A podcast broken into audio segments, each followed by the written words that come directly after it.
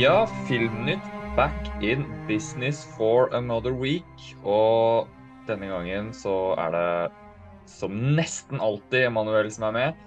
Og så er det tvillingbror Matsson, Remi Matsson, denne gangen, som følger oss. Roy er fortsatt litt opptatt med teater. Så velkommen til dere, gutta. Takk, takk. Takk skal du ha.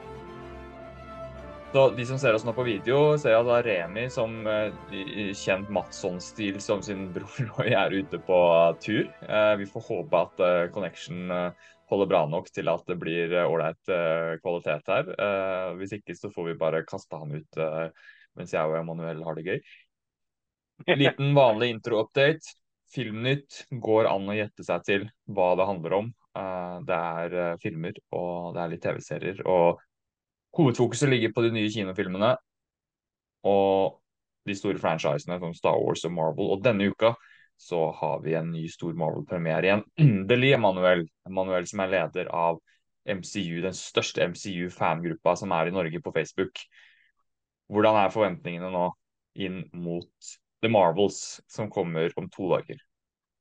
Du, eh, jeg har, å, jeg har prøvd å la meg prege minst mulig av eh, folk som surmuler eh, rundt den der filmen. For det er jo veldig mange som har dømt den filmen eh, nedenom og hjem. Men eh, jeg har eh, kjempestore forventninger til at dette her blir en eh, ja, et par morsomme timer på kino. Jeg tror jeg forventer ikke at det er en toppfilm, men jeg forventer at det er en stor bøtte med masse moro. For den ser faktisk veldig morsom ut. Jeg blir sjokkert hvis filmen er kjedelig. Det kan jeg ikke se for meg at den er. Men det Nei, det er to ting som gjør meg litt skeptisk. da. Og det er uh, at den kanskje kan potensielt lede seg litt for mye inn i uh, The Marvels, altså nei, eh, Miss Marvel, den TV-serien som veldig mange åpenbart ikke har sett. Og hvis jeg ikke husker feil, så er den vel bare 1 time og 45 minutter lang. Stemmer ikke det? Stemmer det. Det stemmer. Det, det er sånn, det trenger jo ikke nødvendigvis være et problem, men jeg blir så vant til at filmer, i hvert fall i den sjangeren, er liksom minimum to timer. da. Eh, så, så det høres jo liksom sånn kort ut for en film som hvis den, hvis den skal klare å liksom være både underholdende og ha en god historie og alt sånt, så føles det Men det kan for all del være det som gjør filmen veldig sånn tight og, og stram og underholdende, liksom. Det, så det må, må man jo bare vente og se og ikke dømme på forhånd. Men uh, litt merkelig uh, for, en, for en sånn type film å ha uh, liksom et kvarter under to timer-marken, og så er det jo gjerne mye sp liksom, rulletekst og sånn òg, så da kan man jo regne med at selve spilletiden på bare filmen er bare så vidt over halvannen time. da. Eh, Ja. Og det, er- det er ikke mye. Men uh, hei, det kan være altså Man kan lage en kjempegod film på en halvtime, liksom, så det, det trenger ikke å bety all verden. Men utenom det så skal vi jo nå se bakover før vi ser mer fremover. Eh, og i helgen nå så um, har vi jo hatt eh, En ting er at det har vært den store kinodagen eh, i Norge, som det har vært mulig å kose seg med filmer til eh, halv pris eh, og noen maratoner og sånn. Så vi skal jo bare nevne litt av hva det er vi har kost oss med gjennom den store kinodagen, eh, eller store kinodøgnet, som det har blitt i Oslo, eller kanskje nesten til og med to døgn, eh, som de kjennes, kjører eh, konstante visninger på kino døgnet rundt fra fredag til søndag morgen, egentlig. Og så har jeg sett comebacket, som man kan kalle det, til Johnny Depp i Jean du Barry. Uttaler det sikkert feil, men det var i hvert fall noe jeg koste meg mer med enn jeg trodde kanskje på forhånd at jeg skulle gjøre. Eh, og ja, jeg skal snakke litt om den filmen. Og så har vi jo da nest siste episode for mer MCU-prat her av Loki-serien, som vi på kanalen her har likt ganske godt til nå. Eh, og ja, der er det en del ting man kan ta tak i. Der er det ganske mye kompliserte saker og ting som, som foregår. Og så er det fortsatt en liten update på Gen V, The Boys spin-off-serien fra Remi. Og det betyr jo bare enda mer superheltprat. Så det, det blir mye av det eh, den gangen her. Også en litt spontan topp fem-liste som også er relatert til MCU. Så her blir det Johnny Depp, og utenom det så blir det stort sett superheltrelaterte topics denne gangen her. Så Emanuel, eh, før jeg går inn i, eh, i Johnny Depp-land, bare for å veksle litt frem og tilbake her, eh, så har jeg bare rett og slett lyst til å eh, jeg vet svaret allerede. Men jeg ble sjokkert da jeg skulle spørre deg om hva er det du har sett den helgen her. Uh, og så sa du jeg har ikke vært på kino denne helgen her. Og jeg holdt på å falle av stolen og bare hæ? Har du ikke vært på kino? Jeg vet Det var én uke du ikke var der, og det var fordi du ikke kunne se ordentlig. Det var sånn, Hva i all verden, hvem er det som har daua nå, tenkte jeg, som du, du ikke har vært på kino. Uh, men det var ikke noe så dramatisk. Det var bare din bedre halvdel som hadde bursdag. Ja, det stemmer. Eh, min bedre halvdel eh, hadde bursdag. Eh, jeg, har, jeg, var, jeg, var, på kino forrige uke på mandag. Det var jeg.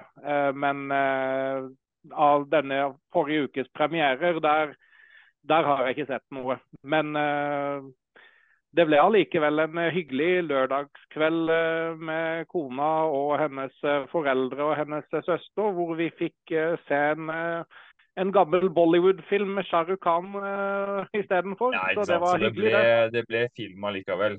Det, det, det gjorde det. Jeg jo med. Men uh, du har jo da fortsatt, selv om du siden du da gikk på kino på mandag, så har du jo ikke gått en hel uke uten å være på kino. Så det må, Nei, du, ta, det må du ta med deg. Så det, ja. det jeg, lurer på, er, er, det da liksom, Hvis du tenker liksom hele 2023, da.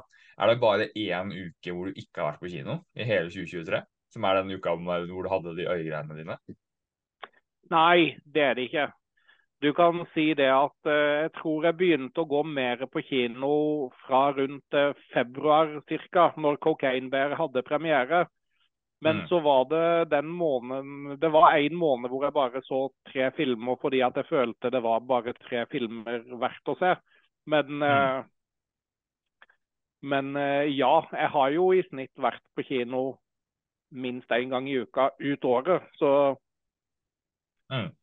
Selvfølgelig. Men jeg begynner å, jobbe meg tilbake, begynner å jobbe meg tilbake igjen dit nå i kinoform. Uh, merker at uh, jeg får mer og mer glede igjen av å gå på kino uansett hva det er jeg ser, med unntak av de unødvendige tre og en halv timers lange stillestående filmene til Martin Scorsese, så angrer jeg sjelden på at jeg går på kino lenger. Eh, angret ikke at jeg gikk på kino den gangen heller. Før det hadde gått en og en halv time av filmen. Da begynte jeg å angre litt. Den første en og en halv timen. Så satt jeg, og var det behagelig å sitte i, i Max-salen uansett, liksom. Eh, så det, det, er som regel en veldig sånn deilig avslappende opplevelse. å Bare sette seg ned i de gode lenestolene som mange av kinoene har her i Oslo, og bare nyte, nyte kinomørket og ta inn stemninga og sånn. I hvert fall når jeg ikke har klart å nyte det så mye på en god stund pga. diverse helseplager, så er det veldig sånn ja, er det en form for terapi, eh, vil jeg, vil jeg si. Nesten. Sånn, eh, få steder hvor jeg føler meg så mye som hjemme som i kinosalen. Så det, det, den følelsen kjenner du kanskje igjen, eh, både Emanuel og, og Remi? Absolutt. Det, kino, er, kino er terapi. Det er terapi. det er terapi, Og det tror jeg i hvert fall Remi støtter, som har Du har fortsatt ikke sett Oppenheimer mer enn elleve ganger, ikke sant? Jeg tror han har sett den tolv.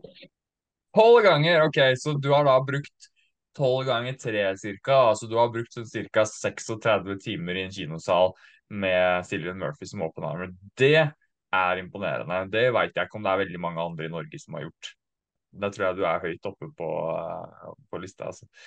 Det er imponerende. Det er eh, Kino pluss Unlimited som gjør at han gjør det. Ja, og det er verdt å nevne. Fordi det hadde jeg ingen tro på men det kommer nå om bare litt over en uke. To dager etter bursdagen min så kommer det i Oslo. Og jeg holdt på å helle ut uh, kaffen i fanget mitt når jeg så den nyheten og trodde det her er for godt til å være sant. Det må være en eller annen hake, men jeg har ikke funnet den haken enda. Det kan være den dukker opp etter hvert, men jeg har fortsatt ikke sett den.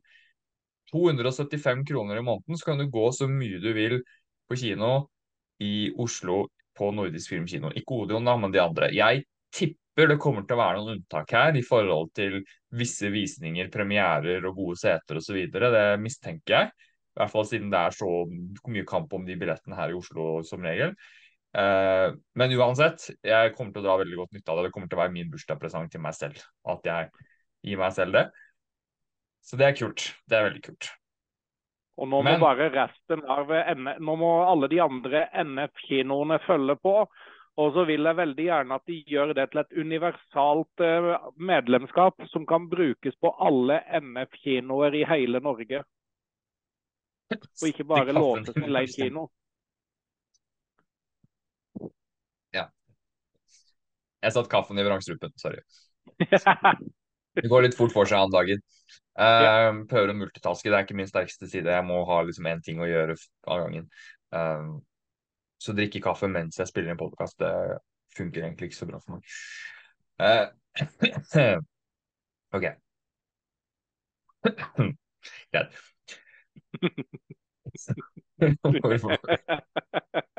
OK.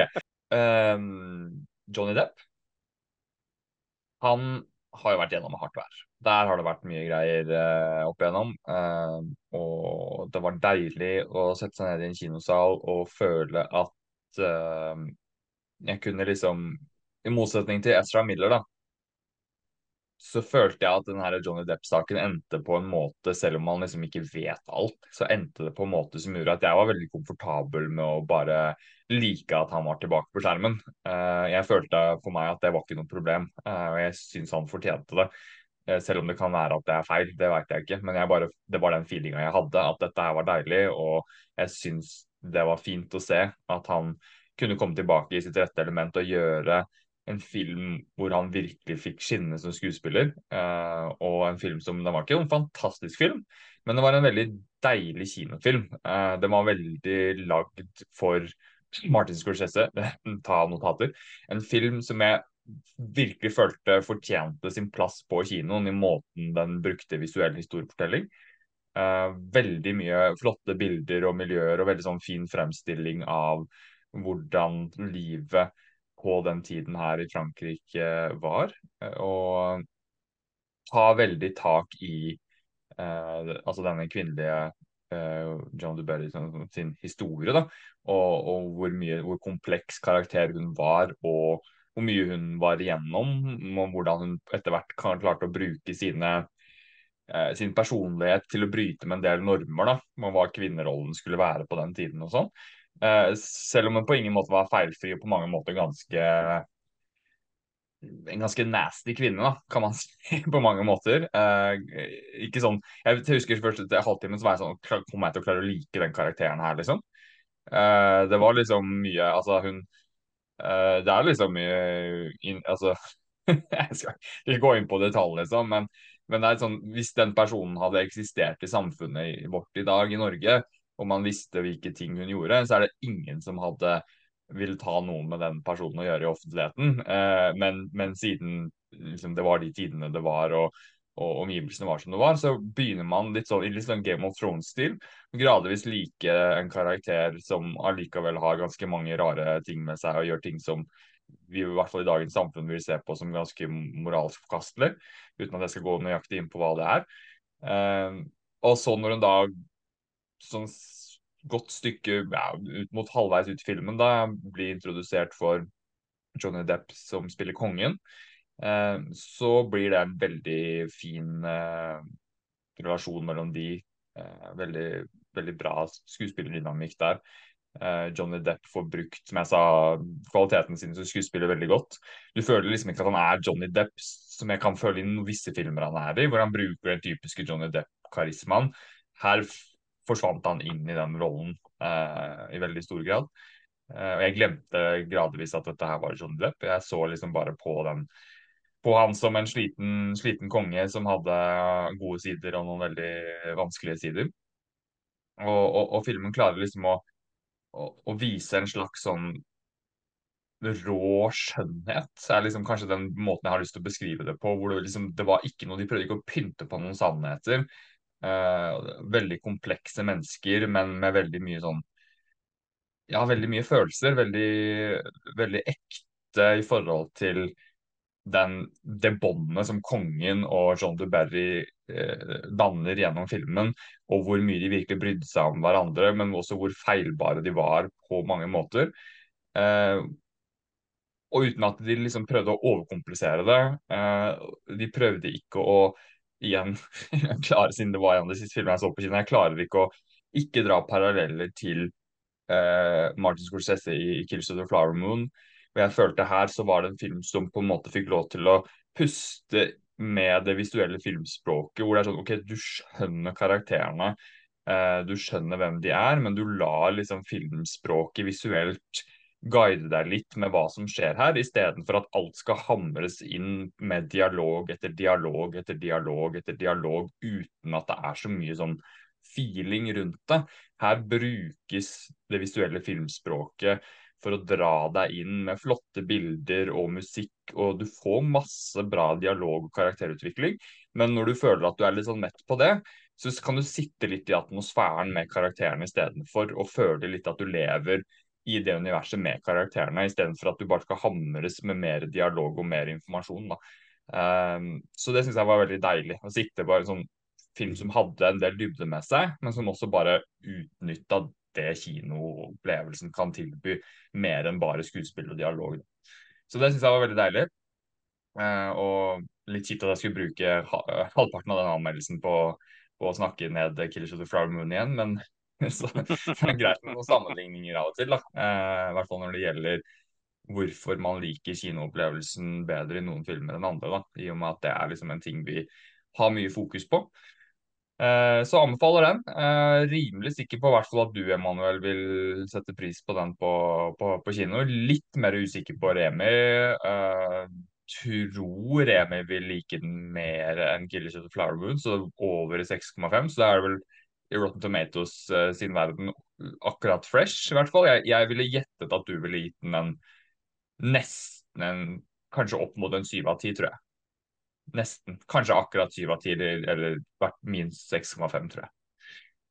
Uh, ja, så det, det, var Johnny Depp sitt comeback. Fornøyd med det. Uh, likte det mer enn jeg trodde jeg skulle gjøre. Uh, og gleder meg til å se liksom hva han kan fortsette å gjøre videre. Og, og kommer han liksom inn igjen i varmen i, i Vesten også, eller må han lene seg litt mer på disse typer filmene fra europeisk film og andre steder i verden? Det er ikke sikkert at det er så dumt når du ser resultatet her. Altså, han var mer, mer, mer sånn levende skuespill, skuespillerprestasjon det her enn veldig mye av det han gjør i Hollywood som blir litt repetativt, føler jeg. Så kanskje det bare er bra for han. Uh, så se.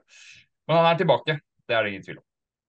Ja, og det er fint at han eh, får jobbe, men jeg håper for guds skyld vi får se han igjen som Jack Sparrow. Det kan ikke finnes et Vi kan ikke leve i et univers hvor det blir laga Pirates of the Caribbean-filmer uten Johnny Depp? Ja, altså Der skal jeg si at jeg er ekstremt uenig med deg. Jeg vil veldig gjerne se uh, det universet der helt uavhengig av Jack Sparrow. Jeg har ikke noe mot Jack Sparrow, men hvis de skal bruke han på den måten de har gjort i de tre siste filmene, eller i hvert fall de to siste filmene, så har jeg mer lyst til å se det uten han, skal jeg være helt ærlig. For jeg syns at de bare tulla og tøysa med han og gjorde ikke noe interessant med karakteren hans. Eh, de to første filmene så var han fantastisk, og så etter det så var han bare, bare 100% klovn. Så hvis det er det de skal gå for, så vil jeg ikke se han i Pirates mer, skal jeg være helt ærlig. Eh, kanskje bare som en sånn bitte liten sidekarakter som dukker opp en sjelden gang innimellom, liksom. Men jeg syns at det er så mye kult med det sjørøveruniverset med mye veldig kule omgivelser eh, og visuelle effekter og vesener og, og, mytologi, fantastisk musikk fra Hans Zimmer. og Jeg er veldig glad i den feelinga der, helt uavhengig av Johnny Depp. Så jeg er liksom, ok, Skal du bruke Jack Sparrow, så gjør det ordentlig. Gi han en ordentlig historie, gi han en karakterark som ikke bare er klovnerier. Eller så kan du droppe det, for min del. Uh, så der er jeg. Der er på det nivået er jeg. At jeg kan veldig gjerne se det uten han. Men uh, fortsatt så håper jeg han får sin tid til å skinne igjen de, i, i, en virkelig stor blockbuster eller en franchise. Kanskje, han, kanskje er på tide han hopper inn i noe mer etab, som er mer etablert nå. Uh, altså han, han, kunne tatt seg bra ut i en superheltrolle. Har vi jo ikke sett, sett det ennå, hvis ikke det er noe jeg glemmer nå. Nei, han har ikke gjort noe sånt. Ikke som Nei, jeg kommer kanskje på. Det er på tide? Det er på tide. Ja. Mm. Det, han er hjertelig velkommen til det. Men jeg vet, sånn, meg. Hva, hvilken rolle som er sånn ikke casta akkurat nå fra relativt kjente superheltkarakterer, er det som Johnny Depp kunne sklidd inn i? Jeg ser for meg kanskje han kunne ha passa inn som en eller annen karakter i Rogues-galleriet til Batman i uh, i, i, det, i, den, i, i DCU-versjonen av Batman uh, som kommer. En eller annen Ja, det var det første som slo meg òg, var en eller annen bad guy i Batman. Det var det første jeg tenkte på. Ja. Ja, Men, det er jo, det men, det, men spørsmålet er hvilken. Ja, ikke sant. Det er det. Det er det. Uh, ja. Remi rekker opp hånda, ser jeg.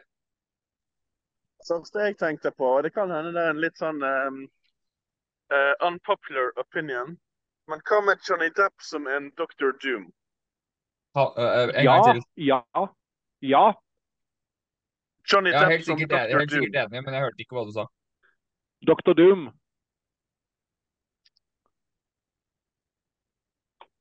Kevin Feige, did you hear this?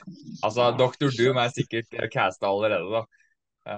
Men, og det er sikkert for kontroversielt med, med han kanskje fortsatt, men uh, det hadde vært Altså, ja. Ja, ja, ja. ja. Ja, Der traff, Ja. der traff du bra, Remi. Altså. Det, og, det, og, og hvor gøy hadde det ikke vært hvis de annonserte Fantastic Forecastet, og så er den ene castinga de holder hemmelig, både for å skape buzz, men også for å unngå litt sånn kontroversielle samtaler, så har de casta han, men de gidder ikke å avsløre det før han tar av seg masken første gangen i filmen. Hvis han begynner med som en maske, da, det er jo ikke sikkert det, men liksom Ja. at de klarer å holde det skjult helt til han avslører seg i filmen. Liksom. Det, hadde vært, eh, det hadde vært skikkelig kult. det hadde vært et applaus i kinosalen øyeblikk. Ja, og så hadde det hadde sluppet at det ble liksom flere måneder med folk som hadde lyst til å kapitalisere på å skape noen kontroverser rundt og gjøre det til noe annet enn noe positivt. Eh, og så hadde han bare fått muligheten til å vise at han var kul i rollen fra første sekund, og så kunne han da bare kunne liksom prestasjonen snakke for seg selv, da, istedenfor at man skulle bruke masse tid på å snakke om det er riktig eller ikke før filmen kom ut. da. Så, altså Det kommer jo ikke til å skje, eh, men det hadde, vært, eh, det hadde jeg vært Kevin Feige, så hadde jeg prøvd på et eller annet sånt. Da hadde jeg castet Johnny Depp, og så hadde jeg prøvd å holde det hemmelig til filmen kom ut. Mm. Det hadde sikkert kosta jæsklig mye, da. Altså, selvfølgelig, altså en, en faktor er da sånn, ja, han fortjener en sjanse igjen. Liksom, det er ikke sånn at han burde være fjerna fra bransjen, men en faktor som er lett å glemme, da, som jeg kom på nå, er jo at det er visst veldig mye greier med at folk ikke villet jobbe med han, ikke pga. Amber Heard-situasjonen, men fordi han har vært vanskelig å jobbe med, og fordi han har vært alkoholisert mens man har hatt uh, innspillinger og sånne ting.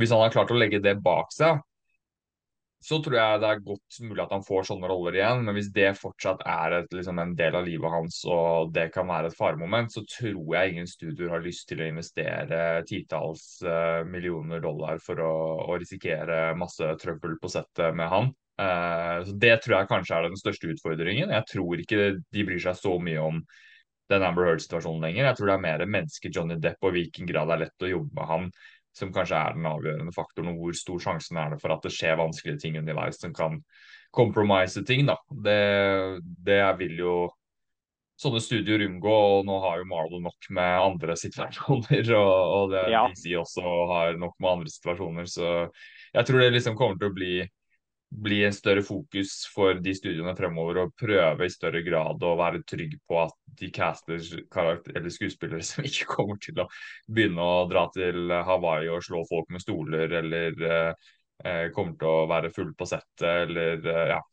gjøre, gjøre mye rare ting. Eh, så det spørs da om ikke den siden av det sitter en litt for stor blokk for, for den type filmer. da, Men fortsatt, han hadde vært en fantastisk doktor det er det ingen tvil. Absolutt. Vi hopper vel eh, over i superheltverden, og så blir vi vel der eh, omtrent resten av episoden, eh, tenker jeg. Eh, og vi begynner med The God of Mischief, Loki himself, nest siste episode. Og mange som trodde at eh, episode fires klimaks eh, var veldig dramatisk. Jeg, det var vel litt som jeg mistenkte at det kanskje ikke var så dramatisk, og at det var tid til å rette det opp. Eh, det ser jo litt ut som det er det den veien man kanskje går, da, eh, til en viss grad. Men eh, ja, Emanuel, nå har jeg snakka mye her.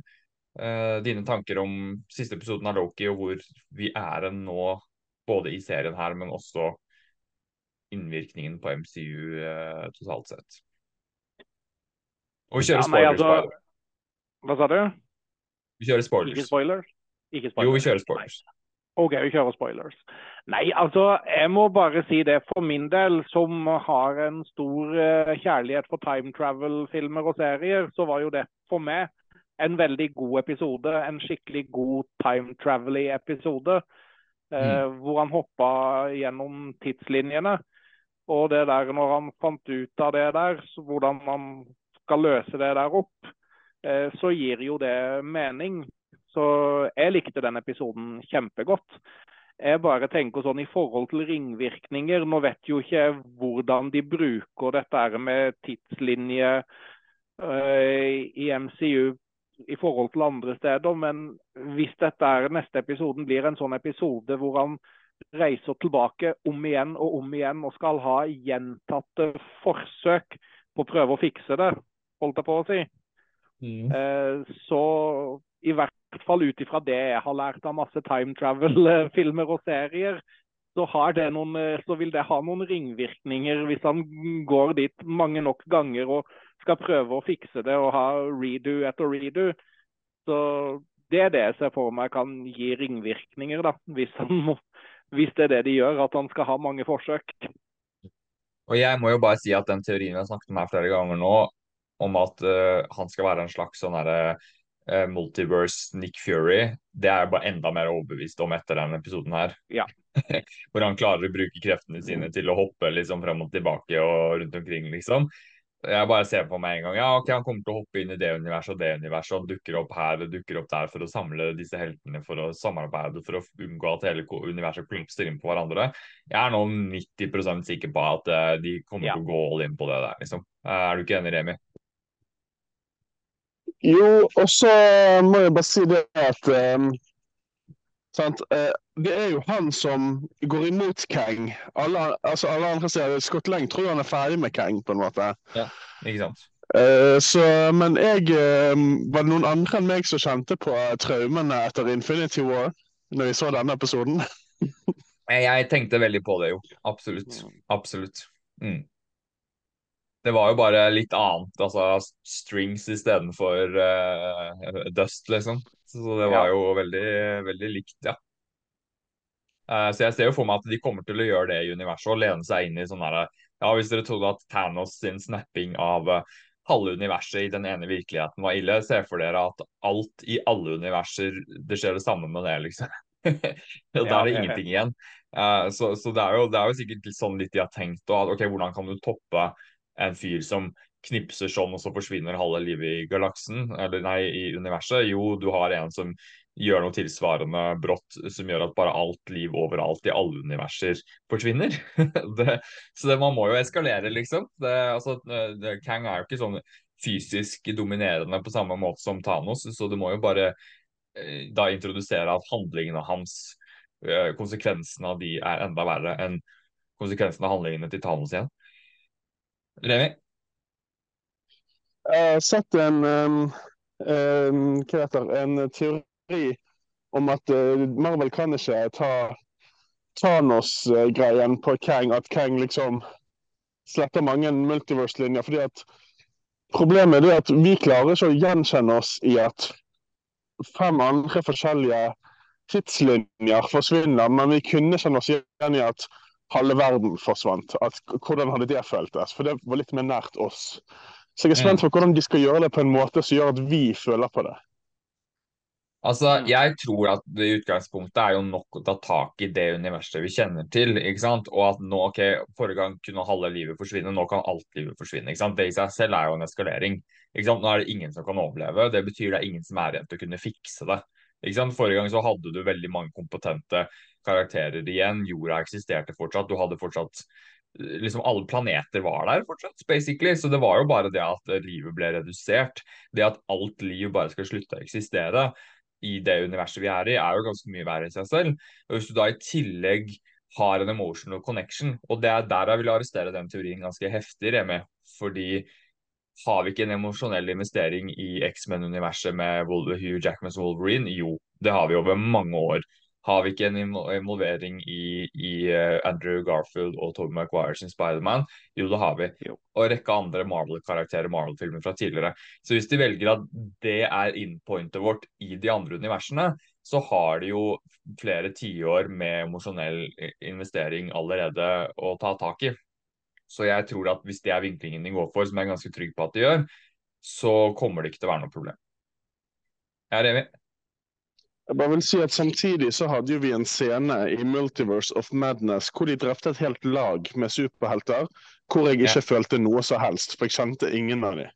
Nei, nei, men det er nettopp det, ikke sant? Men jeg tror ikke det er det de kommer til. Det var mer en sånn gimmick, ikke sant? Uh, en film som hadde veldig mange andre ting du var emosjonelt investert i fra før av. Uh, men jeg tror ikke det er det de kommer til å gjøre i veldig stor grad nå. Det kan godt være du får noen sånne ting òg, men jeg tror ikke de kommer til å legge noe sånn emosjonelt trykk på at du skal bry deg om karakterer du aldri har møtt før, eller varianter av karakterer du aldri har møtt før. Jeg tror de er smarte nok til det. Uh, at da lener de seg heller på ting, kontinuitet kjenner fra før av. Eller så må du gjøre en ekstremt god jobb med å veldig raskt bygge opp en connection til nye ting, som er fullt mulig hvis du er veldig kompetent eh, filmskaper. Altså du, eh, du altså Når du så den første Star Wars-filmen, så brydde jo folk seg om de karakterene eh, mot slutten av den filmen, og var investert i det. Så hvis du starter en, en seks timer eller fem til seks timer lang historie, som jeg tipper de to Avengers-filmene kommer til å være, og kanskje andre filmer imellom som knyttes opp, med f.eks. ok, her har du en variant av en karakter du ikke har sett før i en annen timeline, og så bruker du god tid på å bygge opp det, så er det fullt mulig å få en emosjonell investering i den i løpet av de fem-seks timene. Så det trenger jo ikke å være noe problem, men du kan ikke bare kaste, sånn som du sier i Multiverse of Madness, inn et nytt team med superhelter som du aldri har møtt før, og så skal det være noe du bryr deg om at de blir drept etter 15 minutter. Det går jo ikke. Men, men en, en, film på to timer pleier jo som regel, hvis den er god nok, å være mer enn nok til å bli investert i nye karakterer. Uh, så det, jeg, jeg, jeg, tror vet, jeg, tror Kevin Farge vet hva han gjør der, i hvert fall når det gjelder akkurat de Avengers-filmene.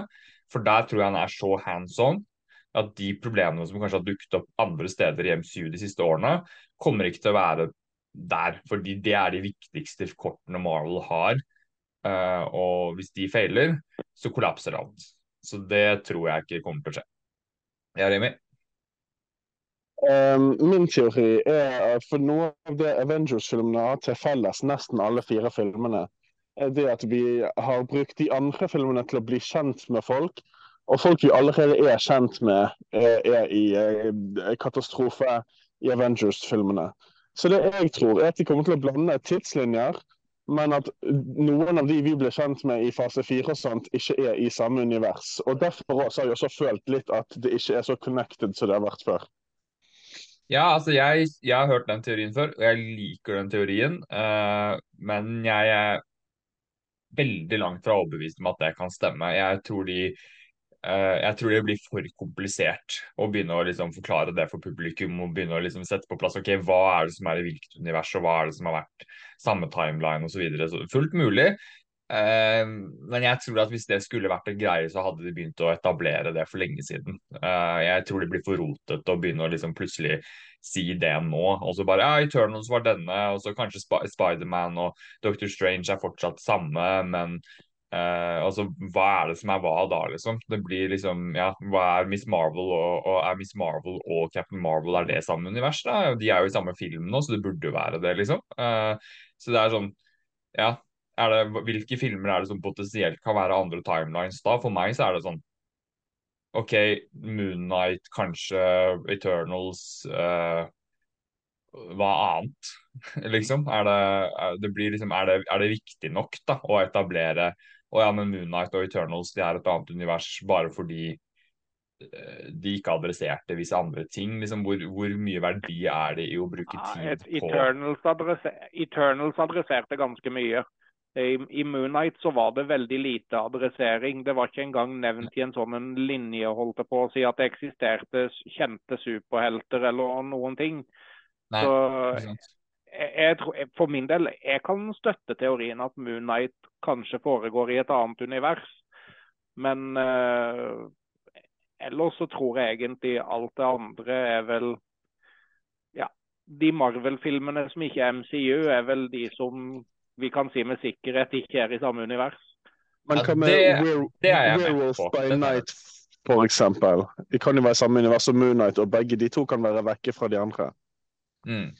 Men uh, altså, det kan godt være at de gjør noe sånt og sier at visse sånne ting som har vært sånne der, uh, altså sånne specials og sånne ting. Men jeg, jeg, kan liksom ikke se for meg at de skal begynne å, å liksom tukle med at noen av hovedfilmene eller hovedseriene på Disney Pluss er en del av en annen timeline. Uh, hvis de gjør det, så tror jeg det blir veldig sånn diskré, og at det ikke kommer til å være noe som man trenger å paye så mye attention til. liksom. Uh, det kan godt være at det er feil, det hadde vært veldig kult hvis de klarte å skru det sammen. Men akkurat sånn som ting er nå, så ser jeg ikke helt liksom, verdien av å gjøre det, annet enn at du klarer å forklare de som er spesielt interessert, sånn som oss. Bare sånn OK, men dette var derfor du ikke hørte om disse, disse tingene i munnen. 98% av de som ser disse tingene, bryr seg ikke om det der. Så derfor så tror jeg ikke det kommer til å være en greie. Ved mindre alt som kommer fra nå av, fra liksom Captain eller The Marvels nå, begynner å leke med den ideen og etablerer nå ok, dette er den timelinen, neste film som kommer er en annen timeline, og de setter det klart for seg nå, så ser jeg ikke for meg at det kommer til å være en sånn plutselig reveal eh, rett før uh, Kang Dynasty om at å ja, forresten, den, husker du den filmen som, eller serien som kom for fem år siden? Den var visst i en annen timeline. Jeg tror det blir for rotete og for vanskelig. Da må de begynne å etablere det nå, sånn at folk blir bevisst for det i de neste to-tre årene mot de Avengers-filmene. Da kan det funke. Hvis vi lar det liksom bare henge og være, skal være en sånn ting man plutselig bare drar opp veldig spontant, så tror jeg det blir for rotete. Ja, for Det jeg tror, er at det på en måte blir en plot twist i Kang Dynasty. At det blir eh, noe de drar fram i filmen. Og, og så har de på en måte eh, sammensveiset de og de prosjektene i sine egne ting fra før. Men du skjønner ikke hvorfor ikke det er mer sammenhenget. Å ja, fordi at disse fire prosjektene og disse fire prosjektene ikke er innenfor samme univers, på en måte. Ja, men igjen der så vil jeg gå tilbake til at med veldig stor majoritet av de som ser Marvel nå, de legger ikke merke til det der. Eh, at det ikke er noen, De tenker ikke over at det er, sånn, at det er noen kontinuitetsproblemer. Eh, og jeg tror at det blir liksom sånn ok, de skal gjøre det bare for å forklare hvorfor den og den tingen ikke var nevnt her. Eh, men jeg skjønner hvis det handler om, som du sier, at de har lyst til å etablere en emosjonell connection til flere forskjellige timelines, da ser jeg verdien av å gjøre det. Uh, men hvis det handler bare om å forklare, liksom rydde opp i hvorfor ting ikke har vært forklart og sånn, da, da syns jeg det er unødvendig. Uh, og samtidig så tror jeg det kan bli Altså en plot twist, ja. Et, det kan funke som en plot twist, men jeg tror også for veldig mange som ikke er så investert som oss, så kan det også fort bli veldig forvirrende. Uh, hvis de ikke forklarer det på en god måte. Så jeg tror kanskje det blir vanskelig å liksom plutselig bare ha det som en sånn turn. bare sånn der, å ja, forresten, vi er her, og de, de er der, og sånn. Eh, for da må du bruke kanskje litt mye tid på å liksom etablere ok, hva var det som faktisk var hvor. Men hvem vet, kanskje det er første akt av, av Kang Dynasty, basically. At de første timene av Kang Dynasty bare handler om at du ser ok, her har du en, et univers, her er de Eternals, her har du et annet univers, her er disse disse karakterene fra Disney Pluss-seriene, og her har du det universet vi har fulgt mest med på, liksom. Det kan være at det er for all del. Uh, men, jeg, men, jeg, tror kanskje det blir litt, litt mye, da. Men, uh, Også, men vi, vi, må ikke glemme at de holder på å etablere gjennom What If-seriene The Watcher, som kan være leddet som ser de forskjellige universene for oss. Ja, ok. Ja, ja. Ja, nei, Jo mer jeg tenker på det nå, jo mer ser jeg jo måter de kan få det til å Men jeg tror fortsatt ikke helt at det er greia. Altså, Jeg tror de kommer til å leke med multiverse, og at du kommer til å se liksom flere virkeligheter åpenbart inn mot Kang Dynasty Secret Wars. Det, det er jo en del av konseptet. Men jeg kjøper fortsatt ikke helt at noe av det man har fått servert til nå, kommer til å være separerte universer jeg kjøper i mye større grad at de kommer til å hente inn nye ting eh, som man ikke har sett ennå, eller gamle ting som tidligere X-Men, tidligere Spiderman, sånne ting som man har veldig mye investert i over lang tid. Eh, som det er veldig lett å skjønne. Alle skjønner at nå at de Spidermanene er i andre universer. Det vet man, Du trenger ikke å bruke tid på å etablere det. Du kan bare kaste deg inn i i den virkeligheten, og så skjønner man at ok, dette er den andre Spidermanen. ikke sant? Eh, eh, og hvis du da f.eks., og sannsynligvis som de kommer til å gjøre, har en ny Tony Stark, så kommer de til å etablere en ny virkelighet eh, hvor Tony Stark eksisterer, men en veldig annen versjon av Tony Stark. Så kommer Loki da, sånn som jeg tror da, kommer til å komme inn da i hans virkelighet for å hente en hjelp fra en Tony Stark, men så er han kanskje litt annerledes og eh, kanskje vanskeligere å ha med å gjøre på en annen måte enn Loki, eller hvem vet, da. At det blir i hvert fall liksom et eller annet å leke med der. da. Eh, andre versjoner av andre karakterer som kanskje ikke har vært med på en stund. Eh, så jeg, tror det er mer den ruten de kommer til å gå, enn å liksom drive og bruke tid på å si at ok, den og den serien var der og der, liksom. Eh, fordi det er sånn Ja, jeg tror det er grenser på hvor mye tid liksom de Altså alle main-karakterene, de største karakterene våre, de er jo samme timeline. Det vet man jo. Shang-Chi også, ny, samme timeline. Black Panther, samme time, timeline. Alltid Thor, samme timeline.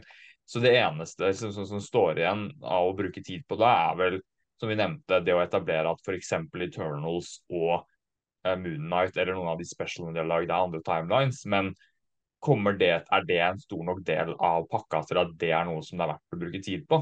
Uh, da må det være mer av det som kommer fra nå og fremover, som gjør et poeng ut av at de er sin egen eller føles ut som det er sin egen virkelighet, da, tror jeg. Fordi det er ikke nok ting som på en måte passer til å være separert. Du har liksom 95% av det som har kommet til nå, er veldig åpenbart en del av den samme kontinuiteten.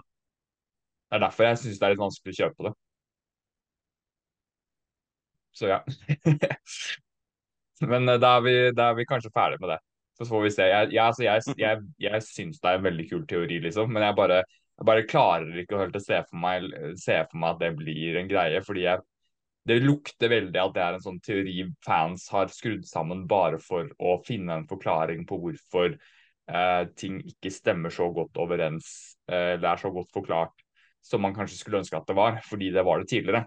Uh, og så lager man ideer i hodet sitt, sånn som jeg gjør det med Star Wars hele tiden. Hvis ting ikke maker helt sense, så bare sånn Å ja, men det var sikkert fordi Palpatine kunne gjøre sånn og sånn, derfor så kunne han gjøre sånn. Det er sånn Ja, jeg veit at det ikke er greia, men man har lyst til å bare lage en forklaring i hodet sitt som er den canon-versjonen du har i hodet ditt, frem til du faktisk får noe mer konkret å forholde deg til. Det tror jeg er veldig vanlig for fans, og det er gøy å gjøre det.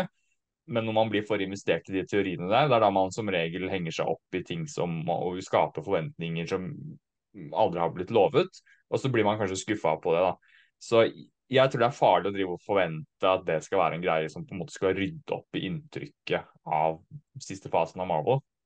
Heller noe som man kan synes være veldig en kul overraskelse hvis det blir en greie. Men jeg tror det er urealistisk å forvente at det kommer til å skje. Uh, i, den, i, den, graden det er snakk om nå. liksom tilbakeforklare ting. da. Men fremover i tid så tror jeg selvfølgelig de kommer til å leke mer og mer med andre timelines. Det er jo ganske åpenbart. Men det er en liten faktor eh, til her, eh, Sindre. Og dette eh, var noe jeg husker jeg leste. De som Produksjonen bak Moonnight de hadde, fått, de hadde fått klar beskjed fra Marvel Studios om at de ikke skulle bruke noe som helst referanser i serien til andre karakterer i MCU. Det, det, det var en spesifikk uh, instruks de hadde fått. De hadde spurt om å få ta med en bare name-droppe name Hulk, liksom. De hadde ikke fått lov til det heller. Så hmm. hvem vet. Det ligger kanskje Jeg tror at det ligger noe i det at det kan at dette kan være et annet univers basert på det, på den informasjonen vi har fra ting backstage også.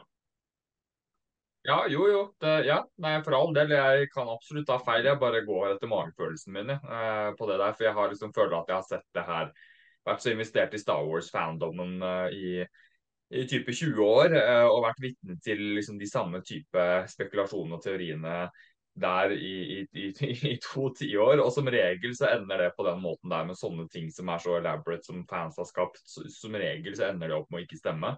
Eh, enten 100% feil, eller at det bare kanskje delvis stemmer litt. Grann, da. Eh, jeg tror kanskje det er derfor jeg er litt skeptisk til det. Men, men, det er kanskje vanligere at sånne ting stemmer da, i MCU eh, enn i Star Wars. Oi, nå står det at 'my internet connection is unstable'. Eh, ja, tror det retta seg opp igjen.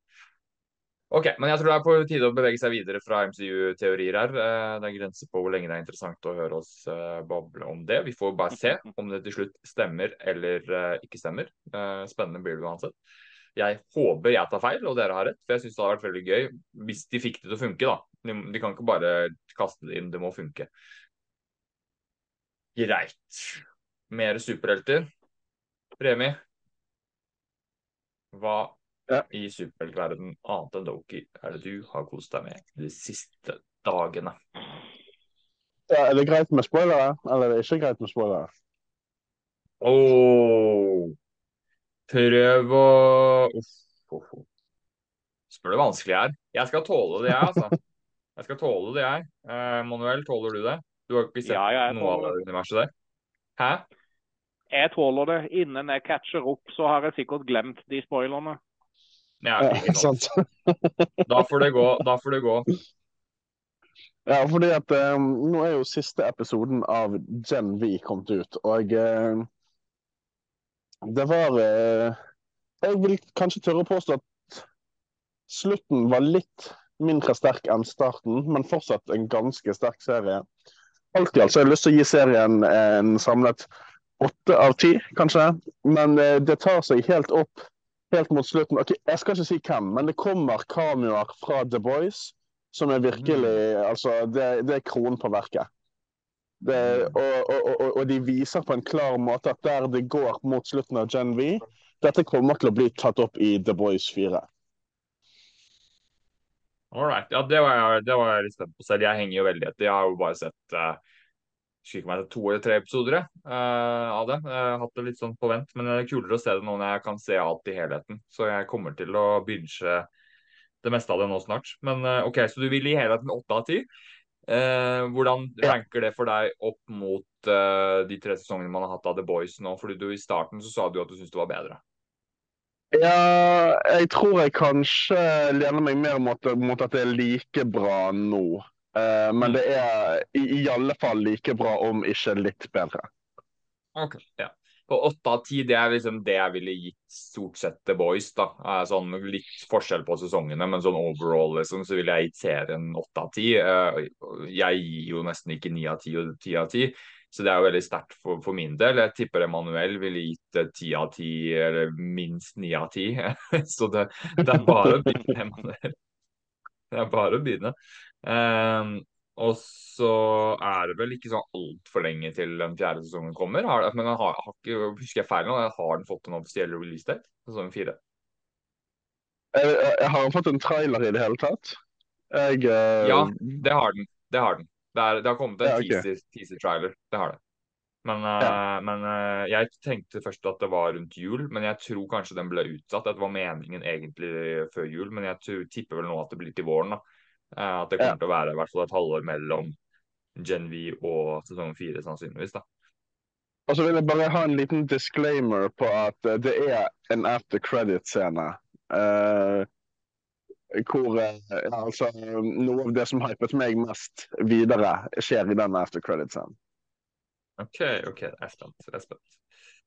OK, men uh, for de som ikke, ikke vet det, da. The Voice, uh, veldig blodig og veldig morsom eh, superheltserie som eh, harselerer veldig med den sjangeren den er en del av. Veldig underholdende, men Mm. også samfunnskritisk og relevant på flere måter. Så det, det er Mm. verdt å ta en titt. Man trenger ikke å ha likt superhelter tidligere for å sette pris på det, men eh, hvis man har satt pris på superhelter tidligere, så hjelper det selvfølgelig. Eh, for du får litt av den typiske superhelt-swashbuck, altså veldig mye sånn kul superhelt-action med powers og sånn, men det ligger så mye mer bak, og det er så mye mer med det enn bare det. Så absolutt verdt Mm. å titte på. Nesten uansett hva det er man, det er man liker, så er det mye kvalitet på, i mange forskjellige ledd eh, i, i eh, The Boys og, og Gen V. Da. Så Jeg må si at uh, Gen V holder, uh, Gen V holder standarden oppe med eh, satire og politiske kommentarer på samme måte som The Boys har gjort før. han. Eh, For eksempel så er det en på en rally som roper 'Soup Lives Matters'. Som sant? Ja. Og, og den der veldig sånn der drøye, nasty eh, ting, altså noen scener som bare går, drar det så mye lenger enn det du forventer, det holder de seg også til, selv om de gjør det jo ikke hele tida. Men åpningsscenen snakker ut for seg selv, ikke sant? hvor de topper, topper åpningsscenen i The Boys, øh, syns jeg. Og, og, det, det, var, det var ikke lett. og sånn at det, ja, Man trenger bare å se de første ti minuttene av både The Boys og Gen V eh, for å skjønne hvor langt de er villige til å dra den i de seriene her. Liksom. Da, hvis man ikke tåler det de første ti minuttene, da er det bare å pakke sakene og dra hjem. Eh, hvis man syns det er fryktelig gøy, så tror jeg man sannsynligvis vil nyte resten av serien også. Men jeg vil også bare si en liten advarsel på at um, I starten så sa jeg at man kunne se Gen V uten å ha sett The Boys. Det trekker jeg tilbake. Eh, Ok. du, bør, du bør ha sett The Boys før du ser Jeremy.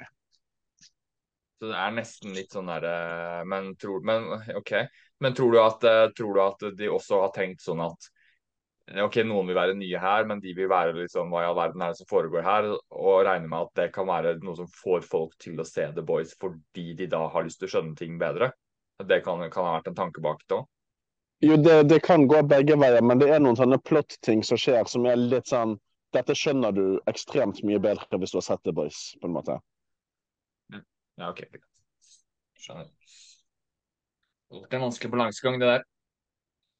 OK. Da tenker jeg at vi kan se Oi. Da var det plutselig en stemme fra en skuespiller på mobilen min. Eh, ok, Da tenker jeg at vi kan se litt fremover, fortsatt i superheltverden. Men uh, om to dager så kommer det endelig en ny Marvel-film på kino. Og det skal bli deilig å sette seg ned i kinosalen med det som forhåpentligvis blir en skikkelig underholdende popkornfilm. Uh, og nevnte litt om det i stad. Men eh, Remi, du fikk ikke sagt så mye. Det var mest Emanuel. Så da har jeg lyst til å ta opp igjen den tråden der nå og si har du billetter til premieren på onsdag, og hvor mye gleder du deg til den filmen nå på en skala fra Baby Groot til Antman? Uh, ja, jeg tror med Baby Groot så mener du I Am Groot. Um, Jeg som, mener I am eh, Groot, ja, I am Groot til Antman. Det er en, en veldig bra skala du kommer med der, for du vet nå hva jeg misliker sterkt, og hva jeg liker sterkt. Um, så, men jeg tror, eh, jeg tror ikke denne kommer til å klare å toppe Quantumania for meg, men jeg tror han skal klare å toppe Guardians of the Galaxy 3 for meg. For å si det sånn. Hva ga du Guardians of the Galaxy 3, da? Jeg ga Guardians of the Galaxy 3 jeg vet ikke om det var mellom 6 og 7, men jeg, jeg var en av de som ikke var så imponert over den som alle andre var. Oi. Altså, du var liksom motsatt. De fleste var veldig skuffa av Antman og digga den Guardians veldig. Jeg var mer sånn at jeg likte begge to ganske godt. Jeg syns Guardians var bedre, i hvert fall etter å ha sett den en gang nummer to. Uh, men jeg syns ikke det var så stor forskjell på det som mange skulle ha det, liksom. Uh, ville vel gitt uh, uh, Kang Nei, Kang sier jeg. Jeg ville gitt Kang sin introduksjon opp mot en, kanskje en svak, en svak syv av ti, og så ville jeg gitt Guardians of the Galaxy en sterk syv av ti, da. Så på samme, på samme poeng, men i forskjellige ender av syveren, bare. Uh, en 7,5 kanskje, og så en uh, 6,8 eller et eller annet sånt, kanskje, da. Men det Så- skal sies at jeg, jeg har uh, premierebillettene klare, og jeg har også til fredagen 3D, 4DX, andre viewing-billettene klare. All right, så du er allerede preppa for to runder. Det er, det er bra. Jeg har ikke kjøpt billettene mine ennå. Jeg. Jeg har vært liksom på vent med hvem jeg eventuelt skal gå med og sånn, men jeg skal inn og nå gidder jeg ikke å vente mer, så nå skal jeg inn og kjøpe billetter til onsdag med en gang jeg er ferdig med innspillinger her. sånn. Og så får de som kan være med nå, være med, og de som ikke kan, de får ha det så godt så lenge. Så sånn blir det med den saken. Da blir det nok ikke Imax. Jo, kanskje det blir Imax. Kanskje jeg rekker Imax på dagtid, faktisk. Hm. Kan faktisk være. Ok, men jeg har veldig lyst til å gjøre det vi har gjort de siste gangene her nå, som jeg syns er veldig gøy. Og det er å kjøre en spontan topp fem-rangering. Og vi må jo holde oss i uh, superheltverden her nå. Enkelt og greit, fordi det er så mye superheltprat akkurat nå. Og forrige gang så tok vi topp fem MCU-karakterer. Og denne gangen så tenker jeg bare for å holde oss liksom innafor, rett og slett at vi bare Vi har vel kanskje gjort dette her før, uh, muligens. At jeg glemmer det. Jeg har i hvert fall gjort en slags rangering før. Men jeg vil da enkelt og greit bare ta hva er våre topp fem MCU-filmer. Enkelt og greit. Vi har ett minutt hver til å bestemme oss, uh, og så må vi begynne å ta den uh, runddansen. Jeg har det ganske klart for meg allerede, tror jeg. Så ett minutt fra nå.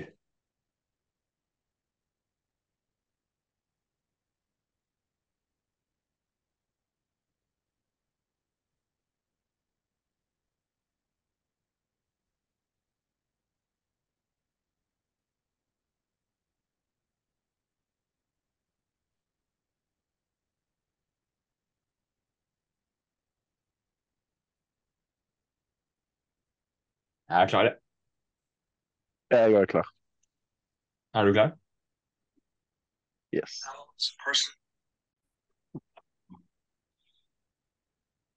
Ok, da er jeg spent. Nå er jeg spent her. Jeg har vært veldig bevisst på en stund hvilke MCU-filmer jeg har langt oppe, og hvem jeg har langt nede. Uh, Emanuel, som leder en MCU-gruppe, du skal få lov til å gå først med din femteplass. Ja, jeg tror kanskje dette her kan være Kanskje denne her er litt kontroversiell, min femteplass. Og så kan det være det at jeg var litt prega av omgivelsene, fordi at det var jo en film som fikk noen ganske dårlige forutsetninger før den skulle produseres. Men mye av de følelsene i den filmen føltes veldig ekte.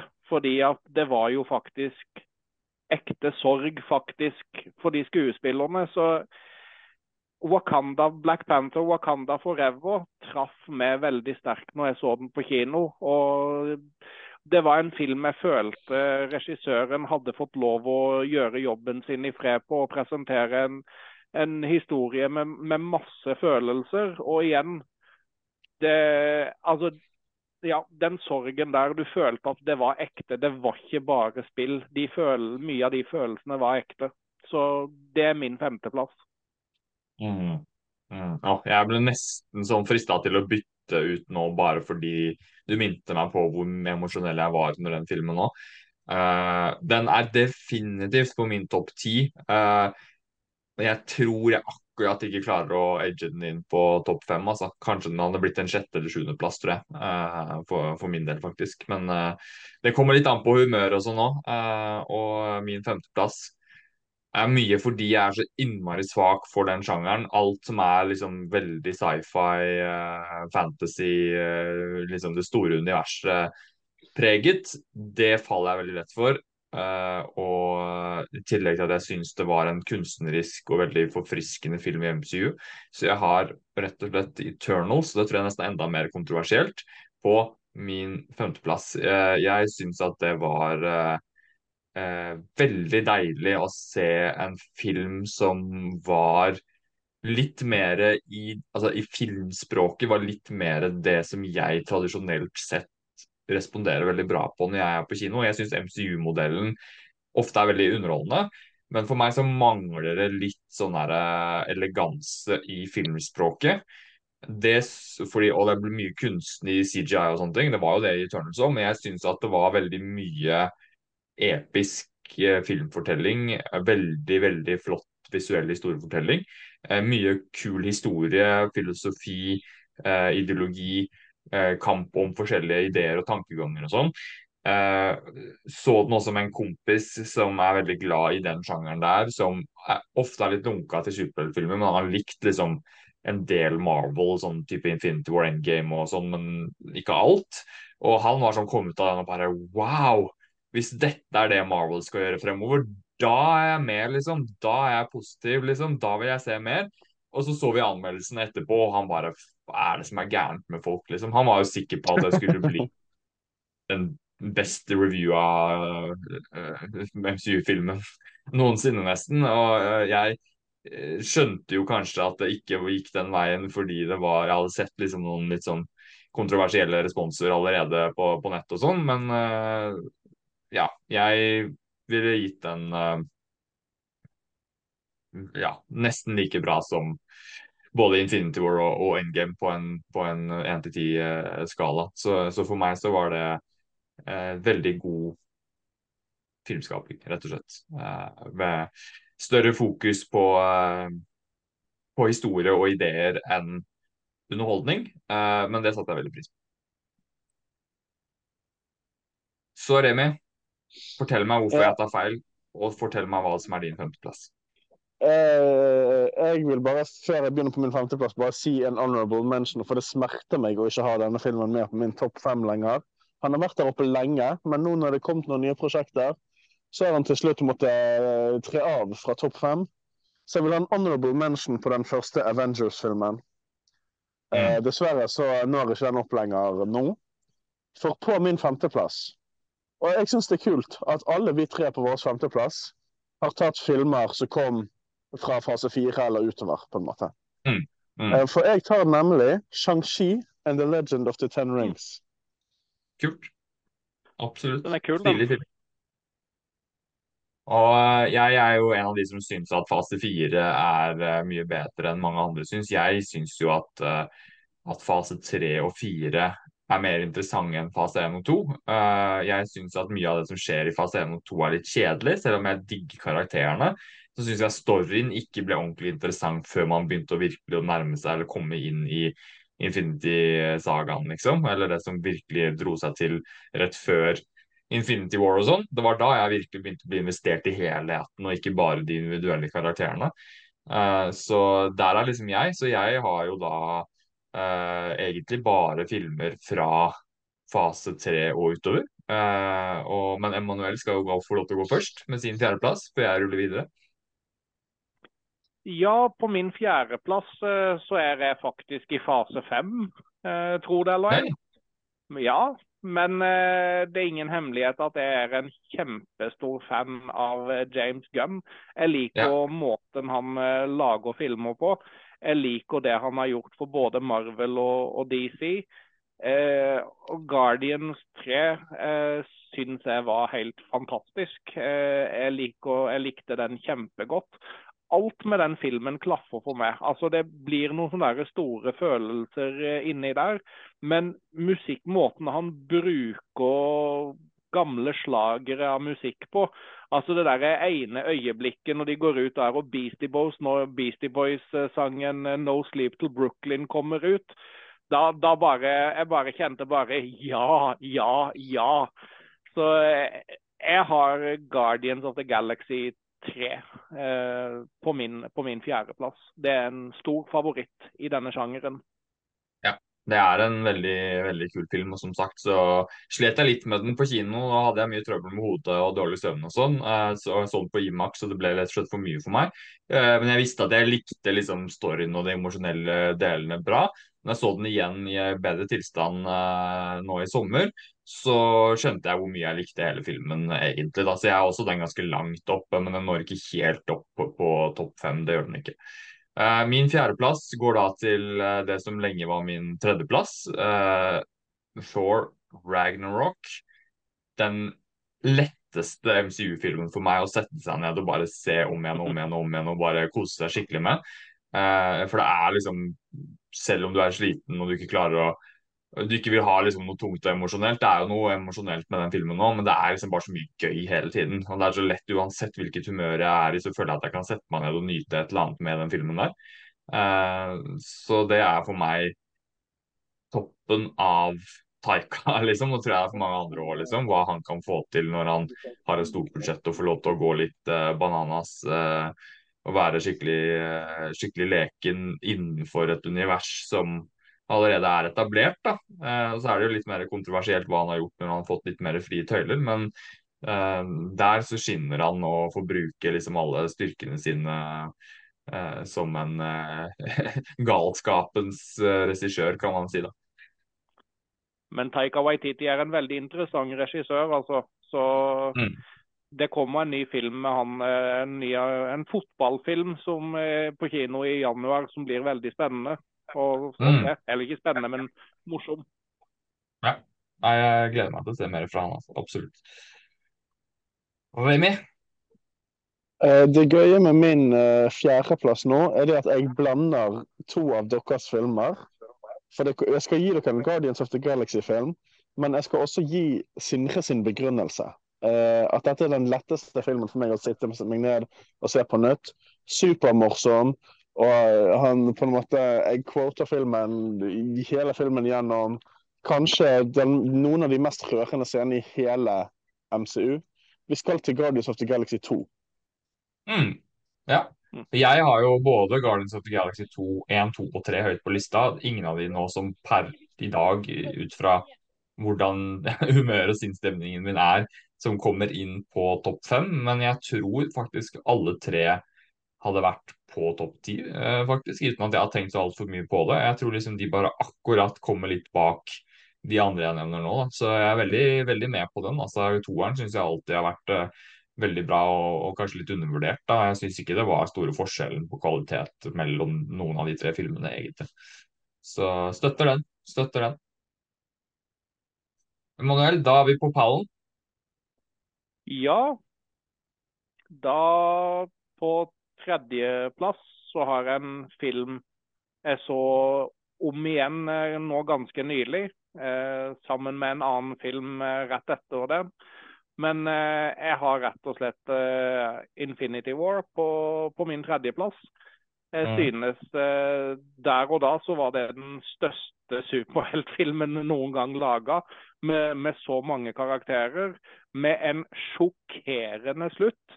Jeg tror jeg aldri har opplevd altså, en så stille kinosal når rulleteksten begynte å rulle etter den der slutten der, altså.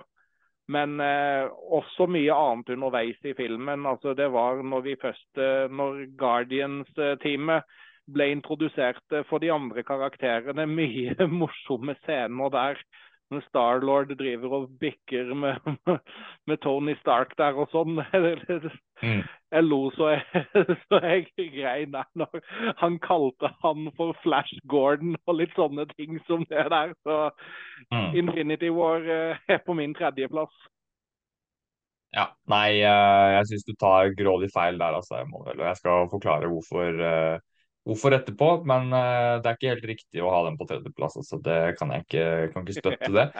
Uh, av flere grunner. Men uh, jeg Og du minte meg på et eller annet ganske sånn der, traumatisk minne i, i, noe av det du sa der. Sånn, ikke, ikke, sånn veldig Ikke seriøst ment, men fortsatt et, et, et, irriterende minne som jeg skal dra opp etterpå. Men skal spare det litt. Min tredjeplass går til de tre Spidermanene i uh, Spiderman No Way Home. En film som virkelig levde opp til hypen for min del. Og vi måtte jo sitte med hypen mye lenger enn det vi hadde lyst til, Emanuel. Uh, det vet jo du Afton, som uh, lagde en protestgruppe som til slutt ble til en MCU-fangruppe mot at den filmen måtte pushes i Norge pga. noen covid-restriksjoner når den egentlig ikke trengte å bli pusha. Man kunne ha vist den, men de valgte av økonomiske grunner å utsette den i to måneder for å kunne tjene mer penger. Forståelig nok, men frustrerende fortsatt. Uh, så ja, den filmen snakker for seg selv. Uh, hvis man har vært investert i Spiderman uh, opp gjennom mange år, jeg bare gjennom filmuniverset og litt de gamle animasjonsseriene på TV, da. Men uansett fryktelig glad i Tobey Maguire sin versjon av Spiderman, og hadde rukket å begynne å like Tom Holland veldig godt i den rollen. Jeg syns ikke noen av de to første Spiderman-filmene var sånn helt fantastiske, men jeg likte de godt nok til at jeg likte liksom de andre karakterene rundt han òg, da. Og så var jo han veldig god i Infinity War uh, i tillegg, uh, og, og syns han hadde truffet en veldig god vibe mellom å være sjarmerende og sårbar og morsom og sånn. Uh, og hvordan de da klarer å inkorporere de gamle storylinesene til de andre Spidermanene inn i en allerede engasjerende historie, det syns jeg var veldig imponerende. Veldig mye som foregår, og det er vanskelig å liksom holde fokus og liksom holde tråden eh, riktig, eh, altså solid nok eh, til at man fortsetter å være investert når det skjer så mye i løpet av de to og en halv timene der. Så det er veldig godt håndverk, hvor de klarte å å holde tunga rett i munnen og, og, ha fokus på de viktigste elementene, de viktigste vendingene, karaktervendingene og sånn underveis. Eh, det var liksom det, det, som ledet an en film som veldig fort kunne forsvunnet ut i for mye unødvendig fanservice. Selv om det var fanservice òg, så var det som regel knyttet opp mot karakterutvikling og ting som var veldig relevant for storyen. Så en veldig god og balansert uh, superheltfilm, uh, vil jeg si, som uh, påvirket meg mer emosjonelt enn det jeg kanskje var forberedt på på, på forhånd. Remi, your third place. Nei, Nå må jeg bare forklare hvorfor Sinnfred tar feil, og hvorfor No Way ja. Home ikke skal være på tredjeplass.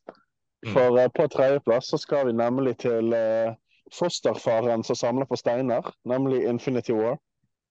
Mm, yeah. Feil, ja. og jeg må si, det jeg likte best, var Det er litt gøy. Det er også Starlord-scener, men det er ikke med Tony Stark. Det er Starlord og Thor. Det syns jeg er helt Mm. klart de beste scenene i hele filmen.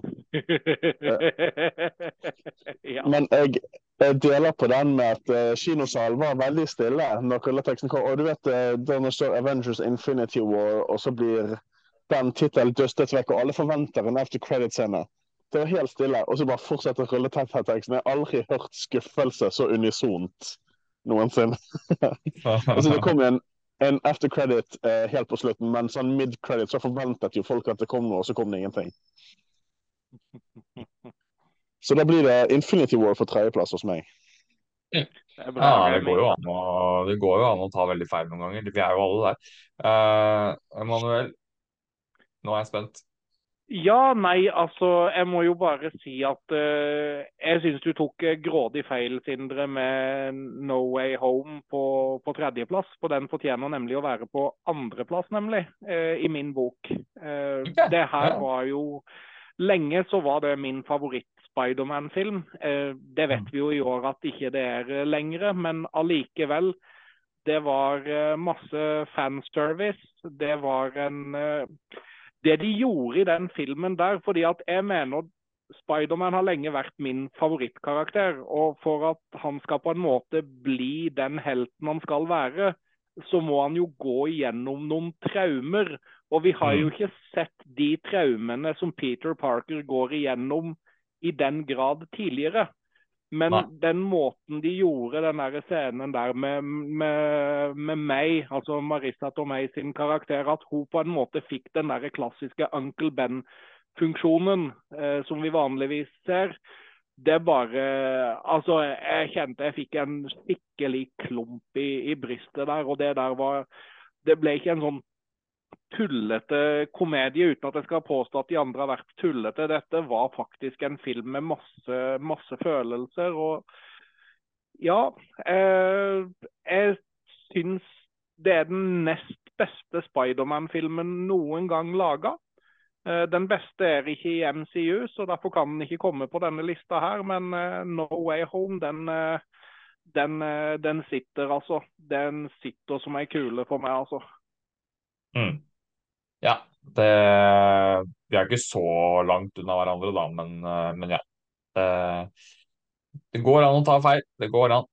Uh, og grunnen til at du tar feil, er fordi at uh, Avengers Endgame med the big finale for Tony Stark er en uh, nummer to for meg, selv om jeg en periode kanskje vurderte å ha den opp på nummer én, så er den litt i overkant lang å si i midtpartiet for min del eh, til at den eh, klarte å ta tronen helt. Men jeg syns spesielt den første timen og den siste timen er noe av det aller, aller beste MCU har eh, levert. og godt gjort å klare å skru sammen eh, en, en film som tar tak i så mange karakterer og så mange tråder som har vært bygget opp over ti år, og så virkelig få til den payoffen på en uh, god måte uten å rote det til uh, i det hele tatt. Uh, I hvert fall eneste, kanskje eneste du roter til er litt noen sånne regler, hva som skal være reglene i forhold til timelines og time travel og sånn. Kanskje den, noe de burde ha rydda litt opp i, men utenom det så var det liksom ikke så mye å sette fingeren på i forhold til hva man kunne forvente av den filmen. De traff liksom på alle de viktigste notesa, og det var en film som var underholdende, uforutsigbar, eh, eh, preget av eh, mye sterke følelser, og de var ikke redd for å eh, gjøre liksom, ting Altså, de var ikke redd for å avslutte, avslutte ting med viktige karakterer. Eh, no spoilers eh, hvis noen ikke har Jo da, Tony Stark dør forresten. Han eh, dør brutalt på slutten og, eh, og må ha han må begraves. eh, og han kommer aldri til å komme tilbake igjen i MCU, helt sikkert. Aldri til å dukke opp igjen. Eh, det var tungt. Altså, det var tungt å sitte og se på det i kinosalen, selv om det var veldig bra. Det var bra også, det var en liksom bra opplevelse fordi det var så sterkt. Det er jo det man vil jo ha følelser når man ser film, men eh, jeg trodde ikke at jeg skulle kunne bli så påvirket av døden til en karakter i MCU. Eh, det trodde jeg virkelig ikke. Selv om jeg vet jeg kan bli emosjonelt investert i filmkarakterer, så følte jeg liksom ikke at jeg var helt der med noen av MCU-karakterene, selv om jeg likte veldig godt. Men søren, de klarte å bevise at jeg tok feil der, altså. Eh, så det, det, den, den satt dypt, den siste de siste 20 minuttene der av den filmen der. Altså. Det, det, var liksom nok i seg selv til at jeg hadde lyst til å gå igjen og se den, uh, bare den avslutningen der, liksom. Så det den, den, kommer jeg til å huske, huske for alltid. Sånn uh, reaksjonen jeg hadde på, på måten uh, historien til Tony Stark midlertidig i hvert fall ble avsluttet. Ja, Remi, har jeg rett denne gangen, eller? Da uh, skal vi um, til min nummer to. Og det her er en film som jeg så på premieren når filmen gikk. Det er en film som jeg også så igjen dagen etter premieren filmen gikk. Uh, og jeg, jeg, sa til en kompis Og så 17 ganger til, eller noe sånt? Nei, nei, nei. nei. nei. Jeg så den to, to, ganger på kino. Uh, men um, jeg sa til en kompis på jobb rett før jeg skulle gå og se den, at no way at den her kan være like god som Infinity War. Så gikk jeg på jobb dagen etterpå og så sa jeg han var bedre. Det er faktisk Avengers Endgame. Um, du er enig? Ja. Og jeg, um, hva det skulle si um, Når jeg så den igjen flere ganger etterpå, ikke på kino, da, men uh, så jeg merker den rulleteksten hvor de viser alle karakterene, og så kommer de siste seks helt på slutten med handwritingen og sånt. Altså, det, det tar meg hver gang. Mm. Mm. Det er på en måte Jeg bare føler liksom at gjennom den rulleteksten så viser de hele reisen jeg var med på i løpet av ti år, på en måte. Mm. mm. Absolutt. Absolutt. Da er vi faktisk enige om noe, da, Remi, på den lista. Det er bra. Det er, det er derfor jeg liker å ha med deg bedre enn Roy, for da er vi faktisk enige om noe. Uh, nei da, jeg, jeg, jeg, er enig med Roy om ting òg, faktisk. Jeg er det. OK, da, Emanuel. Ja. Skjebnens tid. MCU-moderatoren i Norges største MCU-fangruppe på nettet skal fortelle hva som er den beste MCU-filmen i hans øyne. Det er et viktig øyeblikk. Ja, dette, dette, er et viktig øyeblikk. Og for å si det sånn, jo Vi har jo hatt en ranking av beste time travel-filmer for en stund siden. Og denne filmen var på, var på lista. Det Avengers Endgame har jeg på min, på min førsteplass. Her mm. er det så mye som er riktig. Altså, først så, først så får du en historie i starten, ikke vel, om hvordan de takler sorg, ikke vel? Hvordan de takler tap. Hvordan det, det å ha mista så mange. Og det er veldig, veldig emosjonelt. Og så plutselig, eh, når de da finner en løsning, så er det helt klart en hommage til Back to the Future 2 inni der. Og der er, der, der, der er helt solgt. Og den siste battlen eh, der, episk. Og kanskje et av de mest emosjonelle øyeblikkene jeg har opplevd på kino, det er selvfølgelig når Tony Stark eh, dør. Og den der eh, scenen der med begravelsen hans, og når jeg hører liksom det der eh, temaet 'The Real Hero' heter det der, den melodien der. Altså, bare noen Hvis den popper opp eh, på en sånn en random liste over sanger jeg har hørt på på Spotify, og den kommer der, altså da kjenner jeg det at da, da, da, da, klarer jeg bare ikke å holde meg når jeg hører den melodien der. Så for meg så er det ingen tvil om at Avengers Endgame må være på førsteplass, altså. Ja, og du er ikke så langt unna meg der heller og Remi som hadde den på andreplass. Jeg har vurdert tidligere som sagt å ha den på førsteplass. Så der er vi ganske enige om den filmen, altså. Det er vi. Uh, men nå må jeg bare fortelle deg hvor feil du tok når du hadde Infinity War på tredjeplass, fordi den er den eneste filmen som jeg klarer å putte over Avengers Endgame. Og det var første gangen jeg virkelig følte for meg at Marvel var skikkelig episk på kino. Eh, fordi jeg alltid syntes Mala hadde vært gøy. Men det har manglet en eller annen faktor for meg, og jeg som sagt er så glad i litt sånn episk sci-fi fantasy-fortelling. Og jeg følte jeg nesten at jeg satt og så på noe som kunne vært en skikkelig god Star Wars-film. Eh, masse forskjellige planeter, eh, veldig mye som foregår, store ideer om hele universet og hvordan ting eh, henger sammen og er bygd opp, og betydningen av disse steinene og hva man kan gjøre med det og sånn. Og rett og slett skikkelig god karakterdrevet historiefortelling med en bad guy som du blir skikkelig investert i, samtidig som du blir redd for han. Du vil han skal tape, men du liker han også. I hvert fall fra mitt perspektiv. da. Uh, du blir emosjonelt investert i nesten alle karakterene, selv om det er fryktelig mange av dem. Uh, og det er ikke et kjedelig øyeblikk gjennom de vel to og en halv, uh, litt over to og en halv timene der. De klarer å skru sammen så mange elementer fra tidligere filmer på en veldig elegant måte uten å bruke for mye tid på det. Uh, bra tempo, driv hele veien. Masse action uten at det går utover det emosjonelle.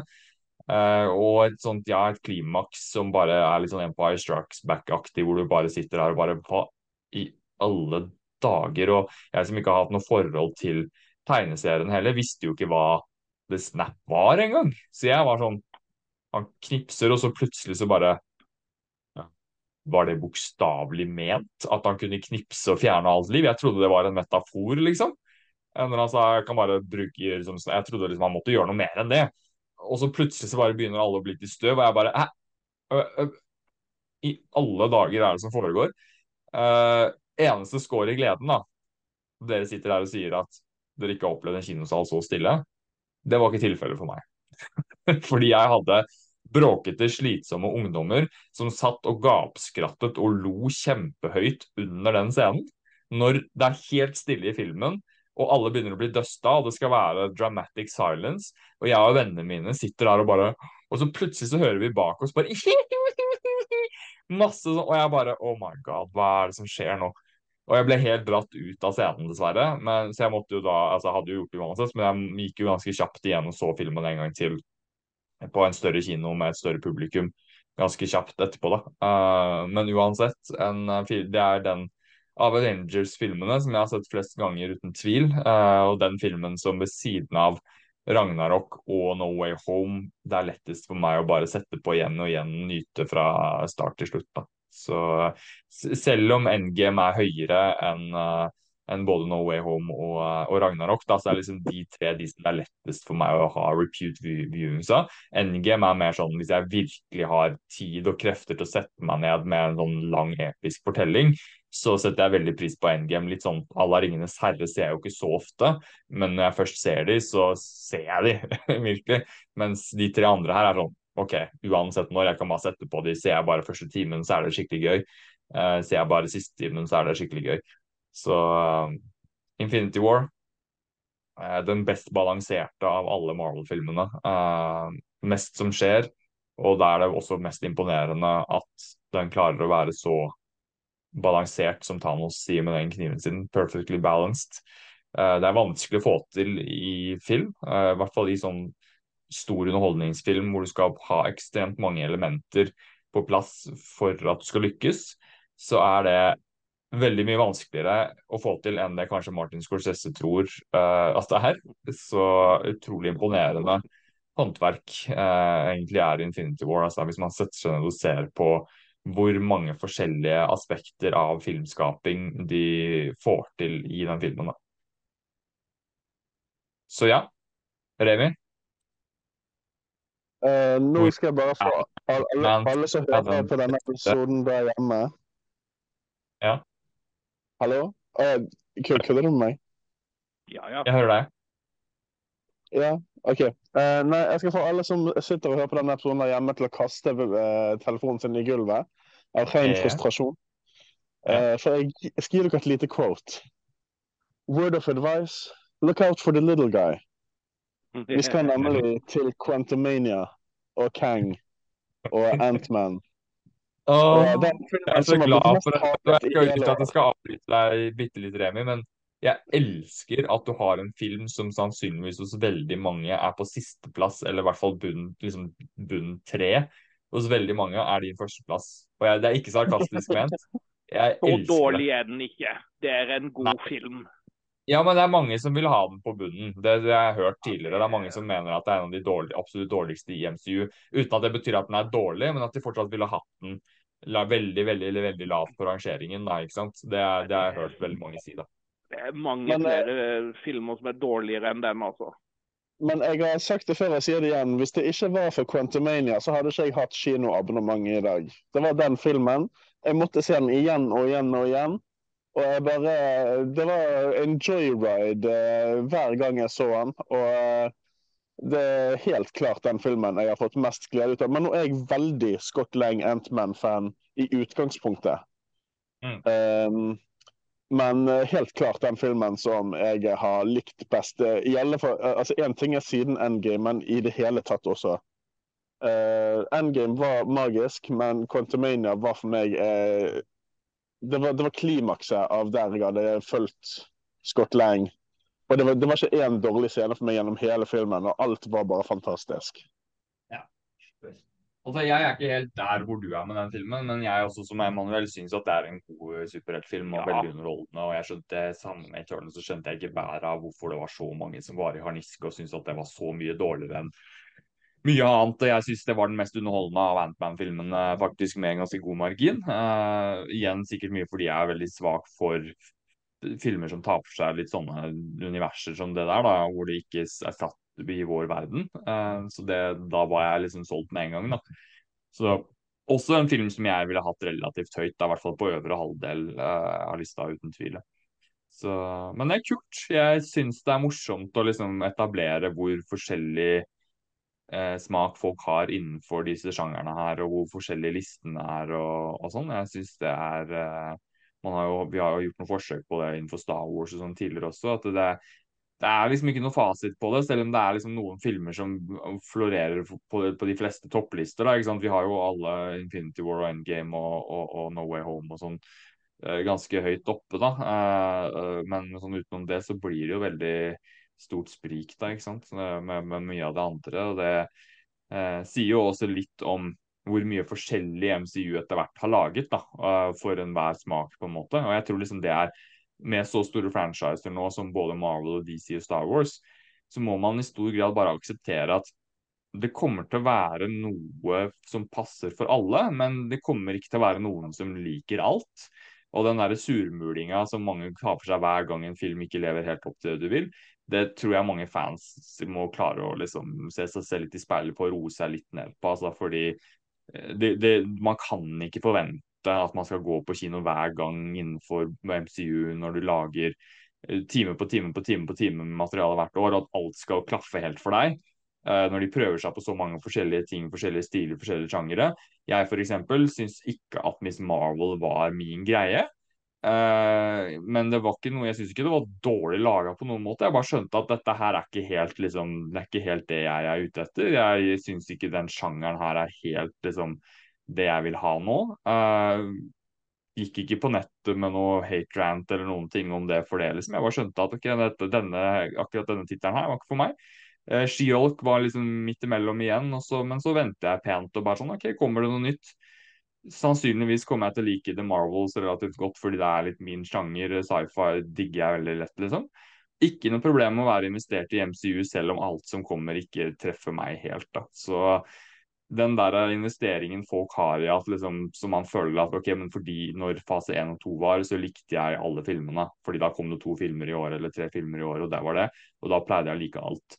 Den virkeligheten er der ikke lenger. Eh, Manuel. Eh, sånn er det bare. Og jeg tror man bare venner seg til det i, i franchiser som vokser så stor grad at det kommer til å være ujevnt for, for alle. Sånn er det bare. Og hvis man skal leve med det, så de franchisene, så må man tåle det. Absolutt. Og så må man jo huske på det at det er puslespillbiter alt sammen, ikke vel? Så noen av puslespillbitene faller kanskje ikke i smak, men når man tar og summerer alt opp sammen, så ender det jo opp med at vi kommer til å få en stor payoff for alt sammen. Og hvis en skal se på hele franchisen under ett, så har det for min del vært eh, mange flere oppturer enn det har vært nedturer. Ja, ikke sant. Og jeg kan jo tenke meg litt at det kan være en del som får den samme reaksjonen på Eh, de neste Avengers-filmene som jeg hadde på Infinity War Endgame. Fordi jeg hadde vært veldig hit and miss med Marvel frem til da. Jeg var ikke veldig stor Marvel-fan i det hele tatt, egentlig, i fase 1 og 2. Jeg likte bare karakterene, og så var det ikke så mange av filmene jeg var sånn veldig stor fan av. Det var liksom noen få unntak her og der. Eh, og venta liksom på at de skulle liksom treffe meg litt mer. da. Jeg satt liksom med feelinga av at ok, men jeg liker karakterene, men jeg bare syns ikke historiene er fengende nok. Uh, og så når man begynte å lede opp mot Infinity War, så begynte jeg ok, nå, nå har du Guardians of the Galaxy, nå har du uh, Thor Ragnarok og sånn. ok, det begynner, begynner å bli dratt litt mer inn i det. Og så smack så kom Infinity War og Endgame som to sånne skikkelig episke filmer som kapitaliserte på at ja, jeg likte jo faktisk karakterene, jeg bare investerte i karakterene. Og så plutselig så fortalte de en veldig interessant historie med de karakterene. Det tror jeg fort kan komme til å skje for mange med de neste Avengers-filmene. Fordi det er ikke mangel på karakterer som folk liker. Det er mer historiene som har blitt fortalt med dem som mange er misfornøyd med. Så jeg tror at hvis de bare forteller en interessant nok historie i de filmene, så kommer folk som har vært litt dunka en stund, til å være smack, snips, som Thanos gjør, være rett tilbake til å være kjempeinvestert, og de filmene kommer til å tjene eh, godt over halvannen milliard begge to. Det er jeg ganske overbevist om. Så da lurer jeg litt på om uh, Ja, vi rett og slett runder av her. Fordi det er vel ikke så veldig mye mer. Vi har litt dårlig time her nå. Og vi tar rett og slett og dropper anbefalingene for denne gang, hvis ikke noen av dere hadde noe sånn veldig Dere hadde lyst til å skyte inn med en anbefaling på slutten her? Jo. Jo. Hadde du det? OK, kjør ja. på. Eh, tidligere i år så så jeg Jawan på kino eh, med Shah Rukh Khan. Største superstjernen dere ikke har hørt om. Eh, Bonkers indisk actionfilm. Den ligger på Netflix nå. Jawan. Verdt å sjekke ut. Ja, kult. Og jo, jeg glemte helt Jeg hadde jo egentlig et helt tema til å prate om. Jeg kom på det nå. Kom på det nå, skal jeg spare det. Vet du hva, jeg tar det som en kjapp greie nå. Og jeg så Stallone-dokumentaren på Netflix. Det syns jeg var kanskje ikke fullt så bra som Arnold tredelt-dokumentaren, men den fortsatt veldig bra. Lærte en del interessante ting om Sly som jeg ikke visste fra før av. En del om familielivet hans og sånne ting. Syns det var kjempegøy. Og hvis man har vært helt tatt fan av han og de franchisene han har vært en del av, så gå på Netflix og se. Den varer vel ca. 1 12 time. Eh, veldig stilig eh, dokumentar som handler om mer enn bare Stallone, men handler om litt sånne ting som jeg skal ta tak i med noe jeg skal lage snart. Forholdet folk har til historier og historiefortelling og film. Eh, så han snakket veldig varmt om det forholdet han hadde til det. Så det synes jeg det snakket veldig til meg. da. Så den anbefaler jeg. Men der må vi runde av, Emanuel, før tiden går ut. Siste avslutning her. Du kan finne oss Filmnytt på Spotify, andre podkasttjenester og på YouTube. Og du kan støtte oss på Filmnytt Patron, Filmnytt Buy Me a Coffee. Og vi, Emanuel, prater senere i uka når The Marvels har hatt premiere. Og Loki har sesongavslutning. Da sier vi takk for nå, Emanuel. Si bye-bye. Bye-bye.